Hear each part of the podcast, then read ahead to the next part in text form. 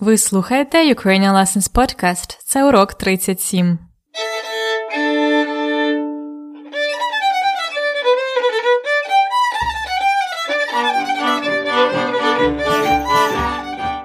Привіт!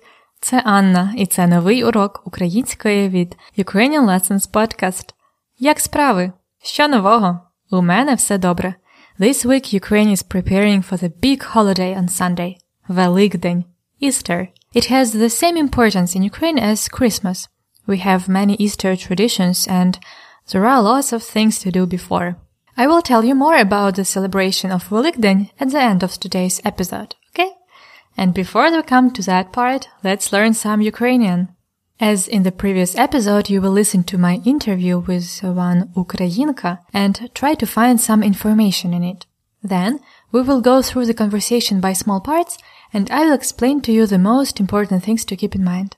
At last, there will be more practice for you. Готові починати? Let's begin. Before you listen to the interview, I'll give you a small task. Три питання. Three questions. The answer to which you should try to get from the conversation. Питання 1. Даша вчиться чи працює? Remember вчиться і працює. Вчиться studies. Працює works. So, Даша вчиться чи працює? Питання 2. Яка її улюблена країна? Remember, країна is a country. Яка її улюблена країна? І питання 3. Як Даша пов'язана з Богданою? How is Dasha пов'язана related to Богдана? Богдана, a young Ukrainian girl from the last episode. How are they related? So again, питання 1. Даша вчиться чи працює? Питання 2.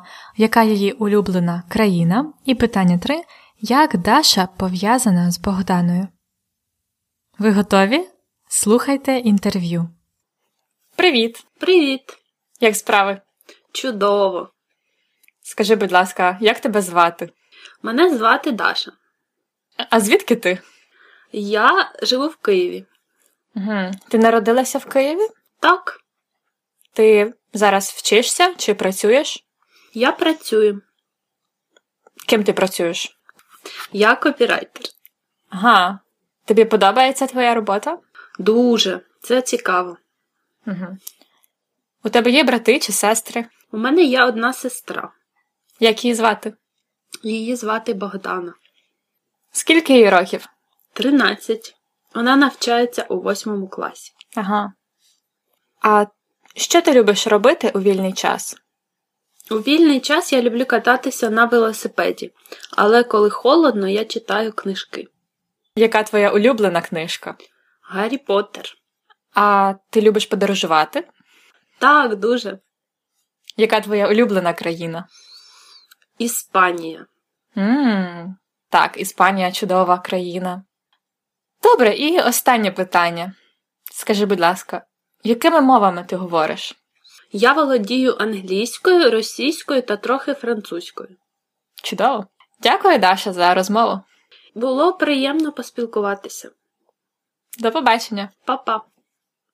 So, what about those questions? Питання 1. Даша вчиться чи працює?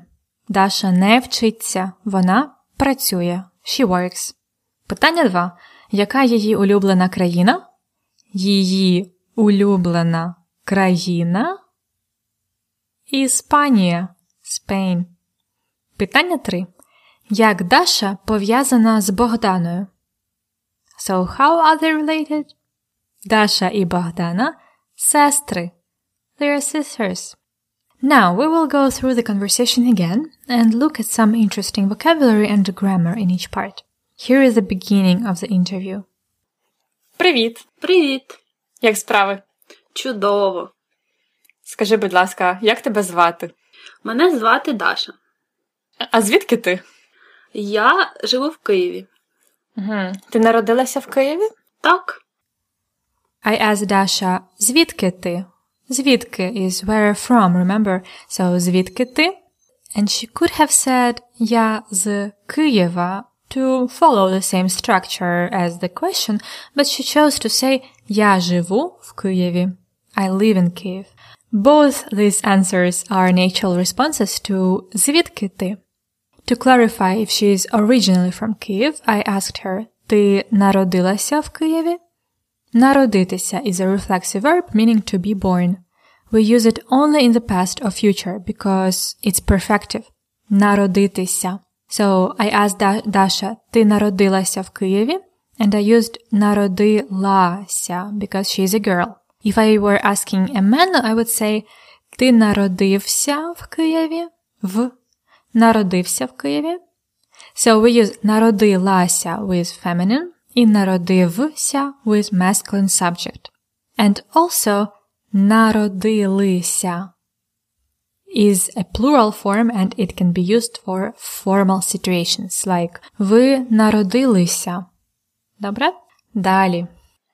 Ти зараз вчишся чи працюєш? Я працюю. Ким ти працюєш? Я копірайтер. Ага. Тобі подобається твоя робота? Дуже. Це цікаво. Here is a very good question to ask a person you are getting to know. Ти зараз вчишся чи працюєш? Do you now study or work? Вчишся чи працюєш? Повторіть. Ти зараз вчишся чи працюєш? Даша – копірайтер. It's a new profession, so the word, word for it is international. Копірайтер. Next part. Наступна частина. У тебе є брати чи сестри? У мене є одна сестра. Як її звати? Її звати Богдана. Скільки їй років? 13. Вона навчається у восьмому класі. Ага. Here is where we discover that сестра Даші – це Богдана from the previous lesson. I'm asking about her, so I use the forms of the pronoun вона because uh, I'm talking about her. So I say як її звати. What is her name? Accusative of вона is її. Як її звати? But скільки їй років? Їй is dative. Here we say how many years does she have? Or how old is she? Скільки їй років? Окей. Богдана навчається у восьмому класі. You might remember from the last episode у восьмому класі. We talked about this, about school, class. У восьмому класі is in the eighth, eighth grade. І навчається, вона навчається у восьмому класі, навчається is a synonym to вчиться. They are just the same. Навчатися і вчитися це синоніми. Добре, наступна частина. Що ти любиш робити у вільний час? У вільний час я люблю кататися на велосипеді, але коли холодно, я читаю книжки. Яка твоя улюблена книжка?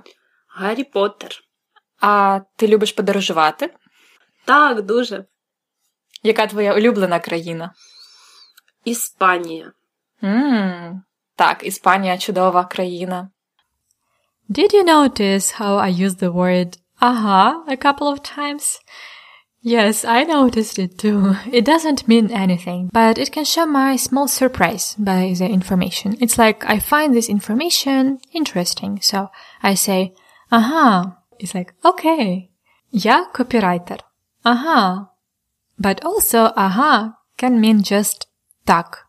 Yes. Like, ходімо обідати. Let's go for lunch. Ага. Yes. Okay. Ага. It's very informal. From this part we discover, що Даша любить робити у вільний час, in her free time. You must know all these verbs already. It's вона любить кататися на велосипеді, читати книжки і подорожувати. А яка її улюблена книжка? Її улюблена книжка? Гаррі Поттер. Ukrainians just love this book so much. Let's listen to останнє питання, the last question. Добре, і останнє питання.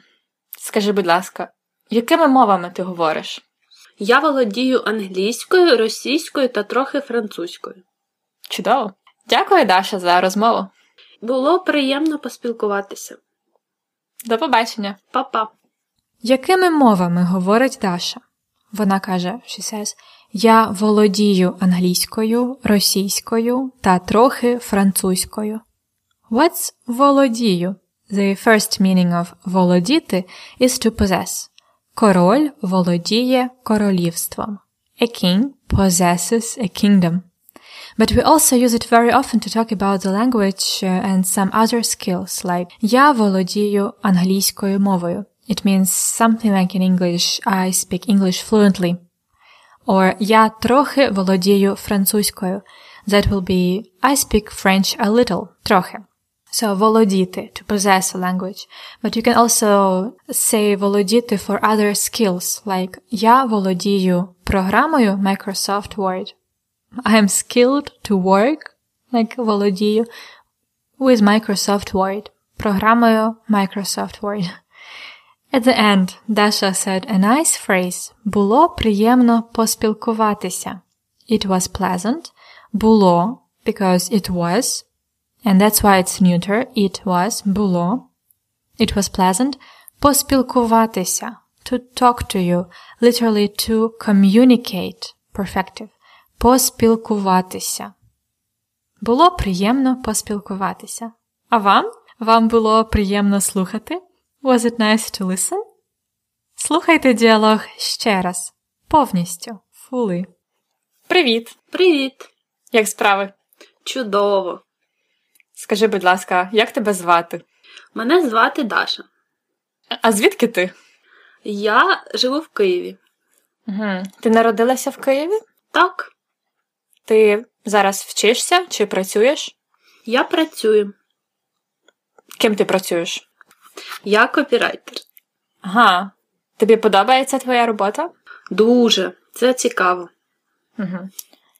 У тебе є брати чи сестри? У мене є одна сестра. Як її звати? Її звати Богдана.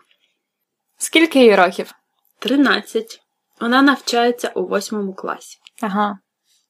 А що ти любиш робити у вільний час? У вільний час я люблю кататися на велосипеді, але коли холодно, я читаю книжки. Яка твоя улюблена книжка? Гаррі Поттер. А ти любиш подорожувати? Так, дуже. Яка твоя улюблена країна? Іспанія. Мм, так, Іспанія чудова країна. Добре, і останнє питання. Скажи, будь ласка, якими мовами ти говориш? Я володію англійською, російською та трохи французькою. Чудово. Дякую, Даша, за розмову. Було приємно поспілкуватися. До побачення. Па-па!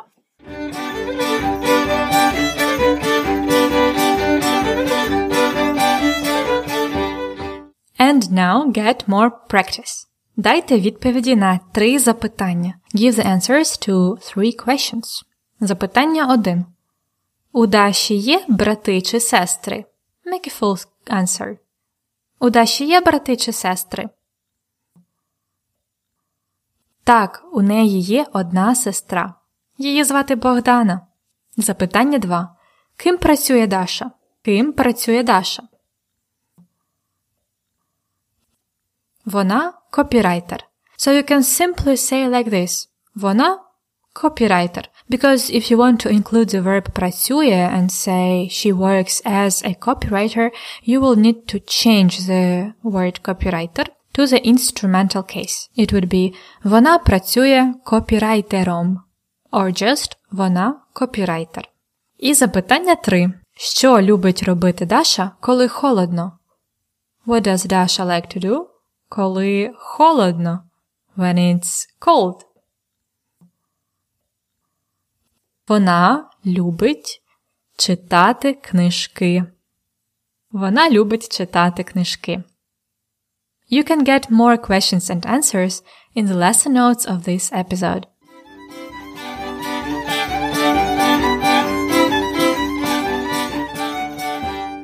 Cultural info at Ukrainian Lessons Podcast. Let me tell you about Easter in Ukraine. Великдень. It means Великий день, big day.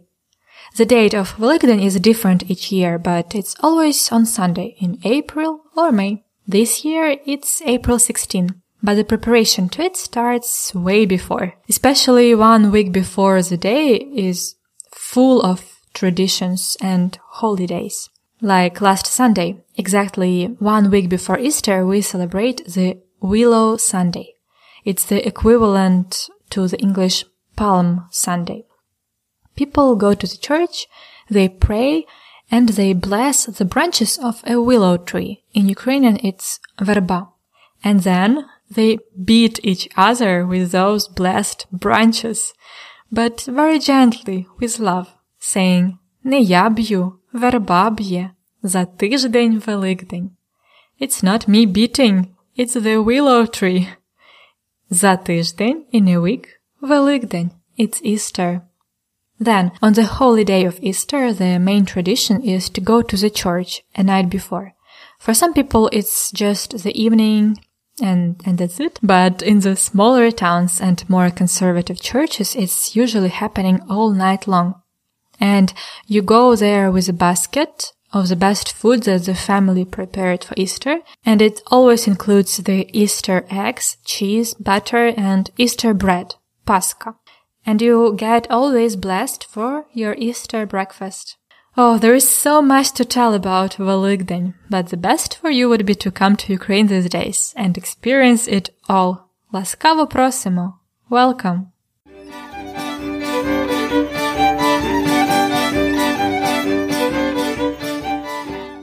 Це все на сьогодні. This is all for today. У вас є питання? Do you have any questions About the Ukrainian language or maybe our traditions in Ukraine? Please record one, maybe two questions in Ukrainian and send them to me. In the last episode of this series, number 40, you will interview me with your questions. You will be my interviewers. So please go ahead and record a question and you can send it to me at contact.ukrainianlessons at gmail.com. I'm waiting so much. If you are interested in the transcript of the dialogues that are on the podcast, plus some extra materials, exercises, word lists, explanations, become our premium member and get the subscription for all 40 or just 20 lessons. Find out more about this at ukrainianlessons.com slash episode 37 ukrainianlessons.com slash episode 37 До наступного тижня. До побачення!